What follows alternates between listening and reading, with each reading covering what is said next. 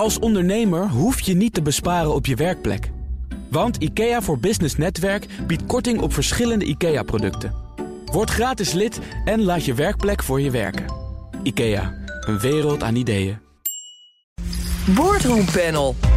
Duurzaamheid, grote woorden, weinig daden in de bestuurskamers. En Structon overweegt de verkoop van verschillende bedrijfsonderdelen. Schudt het bedrijf zo de erfenis van de omstreden ondernemer Gerard Sandering van zich af. Dat en meer bespreek ik in het boardroompanel met Fieke van der Lek... meervoudig commissaris, toezichthouder en hoogleraar pensioenmarkten... verbonden aan de Vrije Universiteit en die staat in Amsterdam. Fieke, goed dat je er bent. Dankjewel, Thomas. Steven Schuit is er ook, hoogleraar Corporate Governance... verbonden aan de Nijrode Business Universiteit. Ook een warm welkom voor jou, Steven. Goedemorgen, Thomas. Goedemiddag. Middag. Ja, toch wel inmiddels. Het bouwbedrijf Structon, je kent het misschien vooral als een van de bedrijven van de omstreden zakenman Gerard Sanderink, overweegt bedrijfsonderdelen te verkopen die niet in de strategie passen. Liet de voorzitter van de Raad van Commissarissen, Jozef Kuling, afgelopen maandag weten aan het Financiële Dagblad. Structon Fieke is de afgelopen jaren veelvuldig in het nieuws geweest. Niet altijd om redenen die ze zelf zouden uitkiezen. Um, wat vind jij van het bedrijf op dit moment? Eerste indruk? Nou, ik krijg de indruk dat er voortvarend schoon schip wordt gemaakt. Dat uh, de interim bedrijfsleiding uh, de noodzakelijke stappen zet om het bedrijf uh, robuust te maken voor de toekomst. Ik denk dat dit ook is wat het bedrijf nodig heeft. Ja. Welke erfenis, en dat hoeft niet in detail, torst het bedrijf nu nog met zich mee? Want dat heeft van alles te maken met Sandering natuurlijk. ja, er zijn een aantal projecten die toch heel moeilijk zijn om fatsoenlijk af te wikkelen. Daar hebben we in de kranten over kunnen lezen. Dus uh, ja, dat, daar zijn ze nu mee bezig om dat tot een goed einde te brengen. En de relatie met de banken moet weer hersteld worden, zodat de kredietlijnen weer beschikbaar komen. Ja, het gaat om, om grote projecten in Riyadh, maar je kunt het ook net zo goed hebben over het station in Groningen, het RIVM-gebouw in Utrecht. Ja. Had allemaal wel wat beter gekund. Maar uh, op de achtergrond speelt natuurlijk, en uh, niet alleen bij Structon, ook bij Centric, uh, de zaak Sandrink. Ja. wat is nu zijn formele positie binnen het bedrijf Structon? Geen. Uh, niet binnen het bedrijf, de manier waarop je het vraagt. Hij heeft nogal een formele positie, maar dat is juist buiten het bedrijf. Hij blijft natuurlijk de uiteindelijk gerechtigde uh, op de waarde van de aandelen. En uh, daar zit een, een, een, een, door de ondernemerskamer benoemde advocaat op. en die moet als een goed huisvader, dat is het begrip wat erbij hoort zorgen dat die aandelen goed beheerd worden. Maar ze zijn de titel van beheer aan hem overgedragen. Maar laat ik het anders vragen. Stel, er uh, vinden veranderingen plaats binnen Structon. Ja. Dat lijkt nu aan de orde. Want er worden bedrijfsonderdelen in de verkoop gedaan. Wordt er dan door die advocaat gebeld met Sanderink... Goh, Gerard, wat vind jij hiervan? Dat zou hij kunnen doen. Ja. Dat is helemaal niet onverstandig. Uh, maar ik denk dat ik wel uh, uh, mag zeggen dat het waarschijnlijk is dat Sandring de haak erop gooit. Want hij was ook tijdens de zitting van de ondernemerskamer was hij, heel resoluut in zijn, zijn positie en liep woedend weg. Dus dat zou hij nu ook wel eens kunnen gaan. Maar deze advocaat die beheert zijn aandelen. Ja die belt met de vraag: ze zijn daar bij jouw bedrijf het een en ander van plan. Nou. Marnik Zoltzer, de, de advocaat, heeft al gezegd dat hij überhaupt met alle stakeholders zou gaan praten. Ja. In het kader van zijn inwerken, zeg maar. En dat hij zeker ook in dat kader met Gerard Sandring zou praten. En dan komt natuurlijk ook al aan de orde van wat zou er de komende tijd aan kunnen gaan komen, zoals de verkoop van onderdelen. Ja, en hij heeft ook al gezegd, de ja. verkoop van dit hele structon zou ik voor gaan liggen. Ja, precies. Nou, dus hij, hij is al bezig met dit soort sonderingsacties. Maar of hij dus die sondering doet op detailniveau, dus dat hij per uh, transactie waar hij als aandeelhouder zijn instemming moet geven. Uh, bij Sandring langs gaat, dat is dus nog een aparte vraag. Ja, dat hangt Kijk, dat hij van voor een inwerkperiode iedereen even wil horen, dat is alleen maar verstandig. Dan heb je, kan je het speelveld overzien.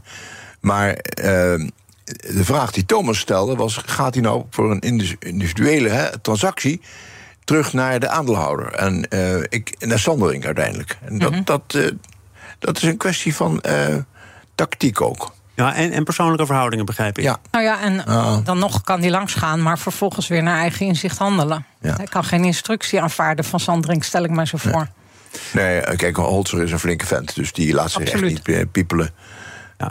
het, het, gaat om, om, om, om twee zaken inderdaad. Fieke, je gaf het al aan. De relatie met de banken moet worden hersteld. Want op dit moment is er volgens mij geen, enkele krediet, uh, geen enkel krediet waar Structon op kan rekenen. Uh, maar dus ook de verkoop van bedrijfsonderdelen. Want zo maak je liquiditeit. Dat begrijp ik allemaal als je dat doet door succesvolle onderdelen van het bedrijf in de etalage te zetten, blijft er dan niet ook een zeer gehavend bedrijf achter? Ja, dat is altijd het dilemma. Je zodra je tafelzilver gaat verkopen, heb je de hoogste opbrengst, maar je bent het wel kwijt. En dat uh, zagen we natuurlijk ook met die eerdere verkoop die ze hebben gedaan. Heeft keurig veel opgebracht, maar uiteindelijk is die dus weer in de aflossing verdwenen. En dan moet je uh, je cash genereren uit een uh, kleiner afgeslankt bedrijf. Dus een heel moeilijk spel. Ik ben het met Fieke eens. Maar er is één dimensie die we nog even eraan toe moeten voegen. Het bedrijf heeft eigenlijk geen nieuwe leider. En uh, was toch de man die uh, met groot ondernemerstalent, want dat heeft hij, uh, de richting wees aan Structon om uh, succesvol te zijn. En er zijn misschien wel een aantal transacties minder gelukkig. Maar ik, overal... Ik, ik, ik, maak even ruimte voor de twijfel die ik zie bij Fieke. Nou ja, in zoverre dat uh, Sandring kwam uit de IT-wereld en heeft Structon gekocht op zeker moment. Ja. Terwijl de interim CEO nu uit de bouwwereld komt. En dus dichter bij de core business van Structon zit. Ja, dus en de oud-topman van BAM, hè? Dat is toch niet de eerste, de beste die dan wordt gestrikt voor dus deze in die zin denk ik dat het, hoewel het, is een interim, maar ik denk wel dat hij in, in die zin de business uh, minstens zo goed begrijpt als Sanderink hem zou hebben begrepen. Ja, ja als, als, als dat zo is, dan. Uh, maar ik, die, die voorwaarden zie ik nog niet vervuld. Dus dat, uh, moet ik eigenlijk. Uh, de, nou ja, ik begreep ook dat er nu een wijziging aankomt richting het structuurregime. Ja. En dan kan natuurlijk de RVC ook te zijner tijd op een gepast moment ja een goede nieuwe boord neerzetten. Ja. Wat is dat overigens, voordat we veel mensen die niet in bestuurskamers zitten uh, kwijtraken? Een wijziging van het structuursregime? Vraag dat, even aan de, aan de een, specialist corporate governance. Dat is een, eh, een, een, een bijzonder uh, specifiek in Nederland geldend systeem waar je binnen het, uh, het ondernemingsrecht als onderneming terechtkomt als je een, een, bepaalde omvang hebt die kenmerkend is voor Nederland.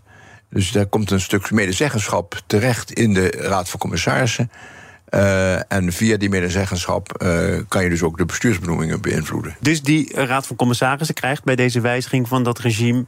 bevoegdheid tot benoeming van de bestuurder. Juist. En dat gaat uitmaken, want tot voor kort lag die bevoegdheid natuurlijk bij Sanderink als aandeelhouder. Wanneer zouden die banken weer met uh, enig vertrouwen naar Structon kijken? Doen ze dat misschien al, Fieke? Ik uh, kan me voorstellen dat ze uh, weer een beetje hoop beginnen te krijgen. En dat ze het op de voet volgen. Ik kreeg ook de indruk dat de, de contacten wel alweer lopen. En ja, dan zal het een kwestie zijn van laten zien dat dit de goede weg is. Er werd, er werd inderdaad al direct na dat vonnis vanuit Structon gezegd... nou, dames en heren, de gesprekken kunnen weer eh, heropend worden. Ja, Zou het zo je, snel gaan? Dan moet je wel uh, goede cijfers kunnen tonen. Niet alleen de lopende rekening, maar ook uh, historisch. En er is dus eigenlijk in over de afgelopen jaren gerommeld met de jaarrekening, omdat de accountant terugtrad. Er is een nieuwe accountant voor in de plaats gekomen. Die heeft gezegd: zolang Sanderink er niks mee van doen heeft, blijven wij aan. Ja, ja. ja. maar de vraag is, de vraag is wat, wat krijg je nu voor, uh, voor rapportage terug? En wat is de orderportefeuille? Want daar zal de bank ook goed ja. naar willen kijken. Zeker. Maar heb je reden om aan te nemen dat. Uh, Oh, oké. Sorry, ik krijg even een bericht uh, van de andere kant. Ja. Um, uh, is er uh, reden om te twijfelen aan, aan de cijfers die Structon kan overleggen aan banken? Ik, als je een gebroken accountantscontrole hebt, dus die hebben verschillende kantoren hebben gezeten, krijg je altijd interpretatieproblemen. Dus terughoudendheid. Terughoudendheid. Ja, ik denk dat die banken echt goed gaan kijken: hebben we de goede cijfers te pakken? Uh, hoe lang is er ook nog terughoudendheid omdat nooit helemaal uitgesloten kan worden dat nou ja. Gerard Sanderink weer een rol gaat spelen? Ja, dus wat banken dan zullen doen is afslagen nemen. Dat ze zeggen onder normale omstandigheden zouden we weer meer ruimte hebben gegeven, maar nu wat minder. Want we moeten het eerst zien dan geloven. We gaan uh, dit blijven volgen. Dat kunnen we in het geval van Structon, Centric en uh, Sanderink met enige zekerheid stellen. Dan nu naar. BNR Nieuwsradio. Zaken doen. Thomas van Zeil. Deel 2 van dit boardroompanel met Fieke van der Lek en Steven Schuit. De Amerikaanse rechter heeft gesproken. Microsoft mag spellenmaker Activision Blizzard toch overnemen. En dat terwijl de Amerikaanse toezichthouder, de Federal Trade Commission... juist met hand en tand probeert daar een stokje voor te steken. Komt er dan na ruim anderhalf jaar getouwtrek een einde aan die strijd? Nou, het antwoord is eh, nee, want er is inmiddels hoger beroep aangetekend door de FTC. En Activision Blizzard, uh, voor ook de leden en de luisteraars, is bekend van spellen als Call of Duty en.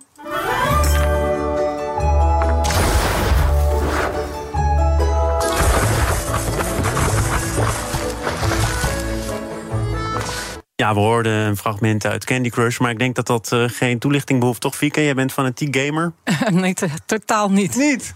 Nee. Steven dan? Nee, dat is, uh, dat is een vorige generatie. Oh, voor, oké, dat begrijp ik. Maar er is wel heel veel geld mee gemoeid met die overname, mm -hmm. zo'n 70 miljard. Dus het wordt wel in ieder geval door Microsoft op een zekere waarde geschat. Ja, begrijpelijk. En, begrijpelijk? Waarom? Ja, natuurlijk. Het is een enorme wereld met enorme verdienmodellen. Ik vind dat een beetje aan de farmacie doen denken. Er gaan enorme investeringen in. En dan één in zoveel keer is het een succesvol resultaat. Waarom, uh, en we hoeven niet bij dag één te beginnen, maar waarom duurt deze hele overname zo ontzettend lang, Fieke? Omdat die uh, zou kunnen leiden tot een uh, groot marktaandeel. Um, en ook uh, mogelijkheden om um, de tegenstanders uit te sluiten op basis van de technologie die wordt gebruikt. En dan gaat het hier specifiek om of het spel op verschillende consoles kan worden gebruikt. Van de concurrentie dus ook. Uh, en je kan dat technisch blokkeren of toestaan. Dus wat doe je dan om de toezichthouders gunstig te stemmen? Dan zeg je, nou, maar die concurrentie heeft nog ruim baan hoor. De komende tien jaar zullen ja. onze succesnummers, onze prijswinnaars, gewoon ook beschikbaar zijn voor Sony's en ja. dergelijke. Nou ja, dat, dat wordt dan in mededingingsland als een remedy uh, geïnterpreteerd om het, uh, het effect een beetje te verzachten. En ik kan me voorstellen in de game-industrie dat tien jaar ook echt een substantiële periode is. En dat concurrenten op gang kunnen komen als ze weer in die markt willen komen. Kijk, de, de, de, de vraag is niet of je die remedy kan afspreken. De vraag is, kan je hem afdwingen? Dus als je het hebt afgesproken, is er dan ook een mogelijkheid om dat in de praktijk te brengen. Met dwangsommen wel? Met, ja, maar dat is to, toch minder makkelijk. Uh, en de FTC heeft in deze zaak eigenlijk ook een, uh, een nederlaag geleden... Uh, die politiek heel belangrijk is. Want Biden had juist ingezet op een zware aanpak van het grote bedrijfsleven... dat door fusies en reorganisaties bezig was allerlei machtsposities in te nemen en daarmee de consument het, het, het moeilijk te maken. Maar mag ik toch nog heel even terug naar uh, beloftes die gedaan worden door ja. Microsoft? Want jij zegt dat is maar moeilijk afdwingbaar. Maar Microsoft kan toch niet zomaar voor de vuist weg zeggen: de komende tien jaar blijven die spellen beschikbaar. En dan na een jaar of zeven, acht, misschien nog wel eerder zeggen: van nou, sorry. Uh, daar komt nee, ik denk dat het sluipend gaat. Hè? Ik, ik denk dat dat gaat uh, omdat ze nieuwe producten maken, waardoor uiteindelijk toch door die machtsconcentratie uh, Sony en andere uh, concurrenten buiten. Fieke, hoeveel waarde mag je er dan nou ja, wel aan hechten? Microsoft heeft hier wel ervaring in, want de Europese Commissie heeft ook wel eens remedies opgelegd waar het ging om de videospelers ja. die aan Windows verbonden waren. En waar ze ook gewoon technische ingrepen moesten doen en dat gehoorzaam hebben gedaan omdat het ook heel substantiële boetes meebrengt als je je er niet aan houdt. Dus jij zegt, die tien jaar waar het hier over gaat... dat, dat, dat moet op waarde over. Dat ja. gaat wel ergens over. Dat, dat, gaat over meer dan wat Steven ervan maakt. Ja, ik, ik, heb sceptisch, omdat je in de praktijk ziet dat het heel erg moeilijk is om uh, vast te stellen en ook bij de rechter erdoor te krijgen dat uh, die overtreding uh, ook inderdaad dat negatieve effect heeft in de markt. En je, maar als er een boete aan gekoppeld is, zoals Fieke nou, dan moet je, je Kijk, die boete wordt eerst betaalbaar. Althans, die eerst, wordt eerst definitief op het moment dat de rechter zich ermee verenigt. Want er wordt uiteindelijk altijd in die zaak een beroep aangetekend. Ja, het, het kan gaat, ontzettend lang duren. En dat kan ontzettend lang duren. En uh, al die tijd uh, speelt dat, uh, die verstoring van de markt. Ja. Ja. Microsoft en Activision Blizzard hadden met elkaar afgesproken... dat er aan die lange periode wel een keer een eind moest komen. Ik geloof voor 18, 18 juli. juli. Dat is, is dat nou volgende week? Ja, dat is een denk ik wel, ja. Jazeker. En, en, en, wat gebeurt er dan daarna? Gaan er dan nou, onderhandelen? Ja, dat Gaan ze opnieuw onderhandelen? Ja, dan ligt ja, het ja, dat is de vraag. Hè. Het staat in het contract en dat, dat kennen wij niet. Maar uh, in het contract kan het zijn dat er een break-up fee is uh, afgesproken. Ja. En dat kan zeer substantieel zijn. En dat zou betekenen dat uh, Microsoft die break-up fee moet betalen. eh, aan Activision. En uh, Nou, hangt dat er gaat om echt hele grote bedragen. Ik heb, geen, ik heb niet gezien, ik heb wel aan gezocht in de media eh, wa- wa- hoe groot dat bedrag is. Jij Hangt er vanaf of ze de, de regulators approval als een externe factor zien... of dat het geheel voor het risico van de overnemende partij is gezet. Dat staat in dat contract. Ja, precies. Dat is net Ja. wat ze daarover hebben afgesproken. Maar Dus het, het, het duurt dus nog even, want er komt een hoger beroep eh, van eh, die eh, trade FTC inderdaad. Ondertussen ontwikkelen natuurlijk en Activision Blizzard en Microsoft hun, hun eh, share prices, hun aandeelhouders. Ja. a- aandelenkoersen. En dan moet je op basis daarvan weer kijken of ze tot elkaar willen komen. Aan het hoofd van die FTC staat Lina Kaan. eh, Ja. Voorvechter van eh, nou ja, een gelijker speelveld. Het Ja. aan banden leggen van die macht van die Ja, ja. enorme techreuzen. Ja, ja. Eh, een half politieke benoeming, zoals Steven al zegt, zou je het wel kunnen noemen. Eh, maar ik zag een, een citaat van een voorzitter van een conservatievere denktank in de New York Times. En die zei: joh, dit is. Dit is verspilde moeite. Het is bijna laakbaar. Het is roekeloos om zaken aanhangig te maken die je niet kunt winnen. Fieke, is dit zo'n zaak?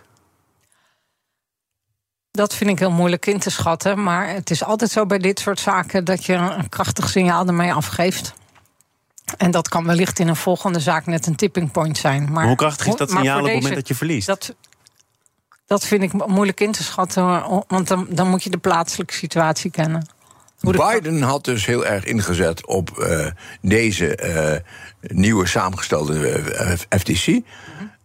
En eh, dat is eh, begrijpelijk, want de Democraten zijn eh, veel agressiever in het eh, opbreken van eh, eh, mededingingsrechtelijke beperkingen.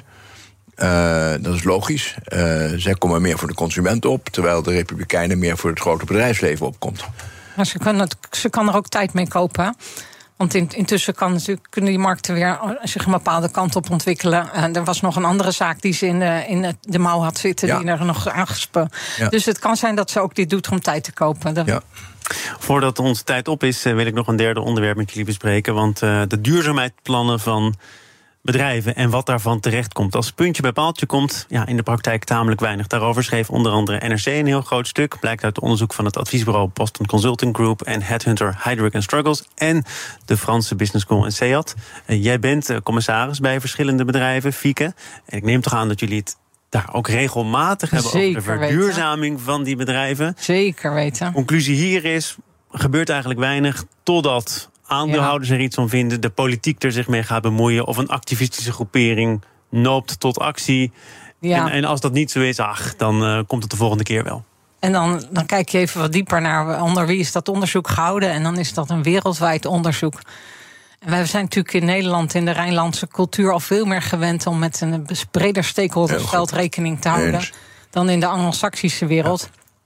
Dus ja, deze resultaten zeggen mij vrij weinig over wat er in de Nederlandse boardrooms gebeurt. En ik herken ze ook niet. En de geïnterviewde Nederlandse commissarissen in dat bewuste NRC-artikel herkenden het ook niet. Wat gebeurt er dan wel in die eh, Nederlandse bestuurs- bestuurskamers? Want Nou, ook hier zie je natuurlijk dat het, dat het vaak, eh, tenminste bij grote bedrijven, ook juridisch moet worden afgedwongen. Hè? Dat, dat is nu aan, aan de orde. Nou, er zijn eigenlijk twee bewegingen. De eerste is dat de bedrijven zelf naar hun eigen activiteiten kijken. Van hoe ESG, Environmental Social Governance, eh, georiënteerd zijn we eigenlijk bezig. Ook in relatie weer tot al die stakeholders en de samenleving als geheel dus ook. En het tweede is, wat gaan we daarover eh, verantwoorden in het jaarverslag? En daar komen allerlei nieuwe rapportage-eisen aan... die ook weer aanzetten tot reflectie op wat doen we nou eigenlijk. Dus die twee eh, elementen versterken elkaar. En daardoor krijgen ze ook echt veel aandacht in de RVC-vergaderingen. Maar die verplichting is dus nodig. Of, of is dat aanvullend aan een intrinsieke motivatie die er ook al is? Bij, ja, ik denk het laatste. Maar die intrinsieke motivatie is bij de een wel duidelijk groter dan bij de ander. Dus eh, hij is er echt wel bij nodig. Het helpt enorm, laat ik het En zo als jij zeggen. eh, aan de andere kant van de tafel mensen tegenkomt eh, die vinden dat het ook wel een tandje minder kan, hè, bij wie die intrinsieke motivatie er niet is. Uh, Tot wat nou, die voor mensen gesprekken leidt dat? Meestal ook wel kinderen en kleinkinderen. En dat wil wel eens helpen. Maar de um, gevoeligheid op met name de sociale en de governance dimensies, die verschilt nogal. Ja. Mensen die alleen maar in de kringen van ons soort mensen verkeren, zeg maar, die zijn er wat minder sensitief voor dan mensen die een diverse vriendenkring hebben. ja. Steven? Ik, ik ben het daarmee eens. Eh, Ik denk dat het, het, eh, het een vertekend beeld is om te zeggen dat Nederland eh, op dat punt ook eh, erg traag is. Ik denk dat er heel veel gebeurt. er zijn ook wereldwijd hele grote spelers die heel erg ermee bezig zijn. Het grote probleem is dat BS, ESG-onderwerpen je niet moet praten over een ESG-strategie, maar een integratie van die onderwerpen in de overall-strategie. Ja. Dus dat betekent, je moet de, de overall-strategie van de onderneming heel goed herijken. Uh, en toetsen aan de nieuwe eisen die gesteld worden. En sommige van die eisen zijn nieuw. Dus daar is men niet op ingespeeld. Wordt de, onderwerpen als die niet in het artikel aan de orde komen, maar onderwerpen als uh, biodiversiteit, uh, armoedebestrijding, heel erg belangrijk. die ook horen bij die ESG. Uh, uh, karakterisering, die zijn niet vanzelfsprekend in de, voor het oprapen. Dus daar moet je heel lang over nadenken hoe je daarop gaat inspelen als ondernemer. Toch nog even met, met het besef dat het hier weinig vaste grond vindt, hè, dat onderzoek. Maar daar wordt gezegd, zolang het bedrijven financieel niet raakt, dat het met de biodiversiteit wel wat beter kan en dat het klimaat verandert, gebeurt er toch te weinig en is er ook te weinig aanleiding om direct de strategie aan te passen. En dat, dat is misschien toch een risico. Ook dat vind ik weer een beperkt perspectief, omdat dat financiële raken dan vaak wordt afgemeten aan wat de beurskoers doet. Ja. En daar zitten weer analisten achter die in hun modellen misschien dit soort factoren niet hebben zitten. Maar wat dan niet wordt meegenomen is het enorme reputatie-effect, ook in de samenleving waar je klanten, maar ook je toekomstige medewerkers zitten. En wat wel degelijk in de portemonnee uiteindelijk gevoeld wordt. Maar dan is het dus ook, ook een reputatiekwestie, zoals ja, in dat die onderzoek vertaalt zich dus ook in finance. Ja, de reputatie, maar er zit ook wel innerlijke overtuiging achter hoor. Ik denk dat het, uh, het, het, een beetje flauw is om te zeggen dat het wordt afgedwongen alleen door activisten. Het wordt zeker ook, komt het voort uit innerlijke overtuiging ja, bij bestuurders. Beslist. En commissarissen helpen mee. Kijk, die, die hele uh, problematiek uh, is moeilijk te beoordelen voor mensen die over de, zeg maar even over de 75 zijn. Dus je hebt een verjonging nodig. Oh ja, want dat is ook een van de aanbevelingen. Hè? Kom dan met bestuurders en toezichthouders met een andere achtergrond. Je hebt, je hebt jonger. Jonger. En je hebt meer onderwerpen op het ogenblik. Die, die hele digitalisering die de samenleving doormaakt, inclusief met uh, ChatGPT. Uh, daar zullen ondernemingen ook hun strategie op moeten aanpassen. Ja. En dus, dus er zijn verschillende onderwerpen die op dit moment hoge prioriteit hebben, waar je misschien jongere mensen voor moet hebben, maar die, als je veel er al te jong gaat, zullen we zeggen, beneden de 55, dan loop je oh, risico. dat is, oh, ik voel me in één keer heel erg. Ja, je bent, net ook, uit het ei, je bent ook heel jong. Laatste woord voor Fieke. Uh, ik mocht als 40 aanschuiven en ik voelde me inderdaad wel jong. Maar uh, wat ik het mooiste vind is eigenlijk als ik de, de CEO's en CFO's zelf trots zie zijn op hun doelstellingen. En dat je dat als RVC kan aanmoedigen en ze daarin kan ondersteunen. En ik zie steeds meer van dat soort helden uh, in de uitvoerende besturen Ja. opstaan. Ja. Fieke van der Lek was hier, meervoudig commissaris en toezichthouder, hoogleraar pensioenmarkten, verbonden aan de Vrije Universiteit in Amsterdam. En Steven Schuit, hoogleraar corporate governance aan de Nijrode Business Universiteit. Tot een volgende keer. Dit panel is ook te beluisteren als podcast. Abonneer je vooral even via je favoriete kanaal of de BNR-app. Zometeen gaat het over het voorschieten van facturen en of dat verstandig Een kleine update maakt een wereld van verschil. Daarom biedt IKEA voor Business Netwerk gratis snelle interieurtips en ideeën. Word gratis lid en laat je werkplek voor je werken. IKEA, een wereld aan ideeën.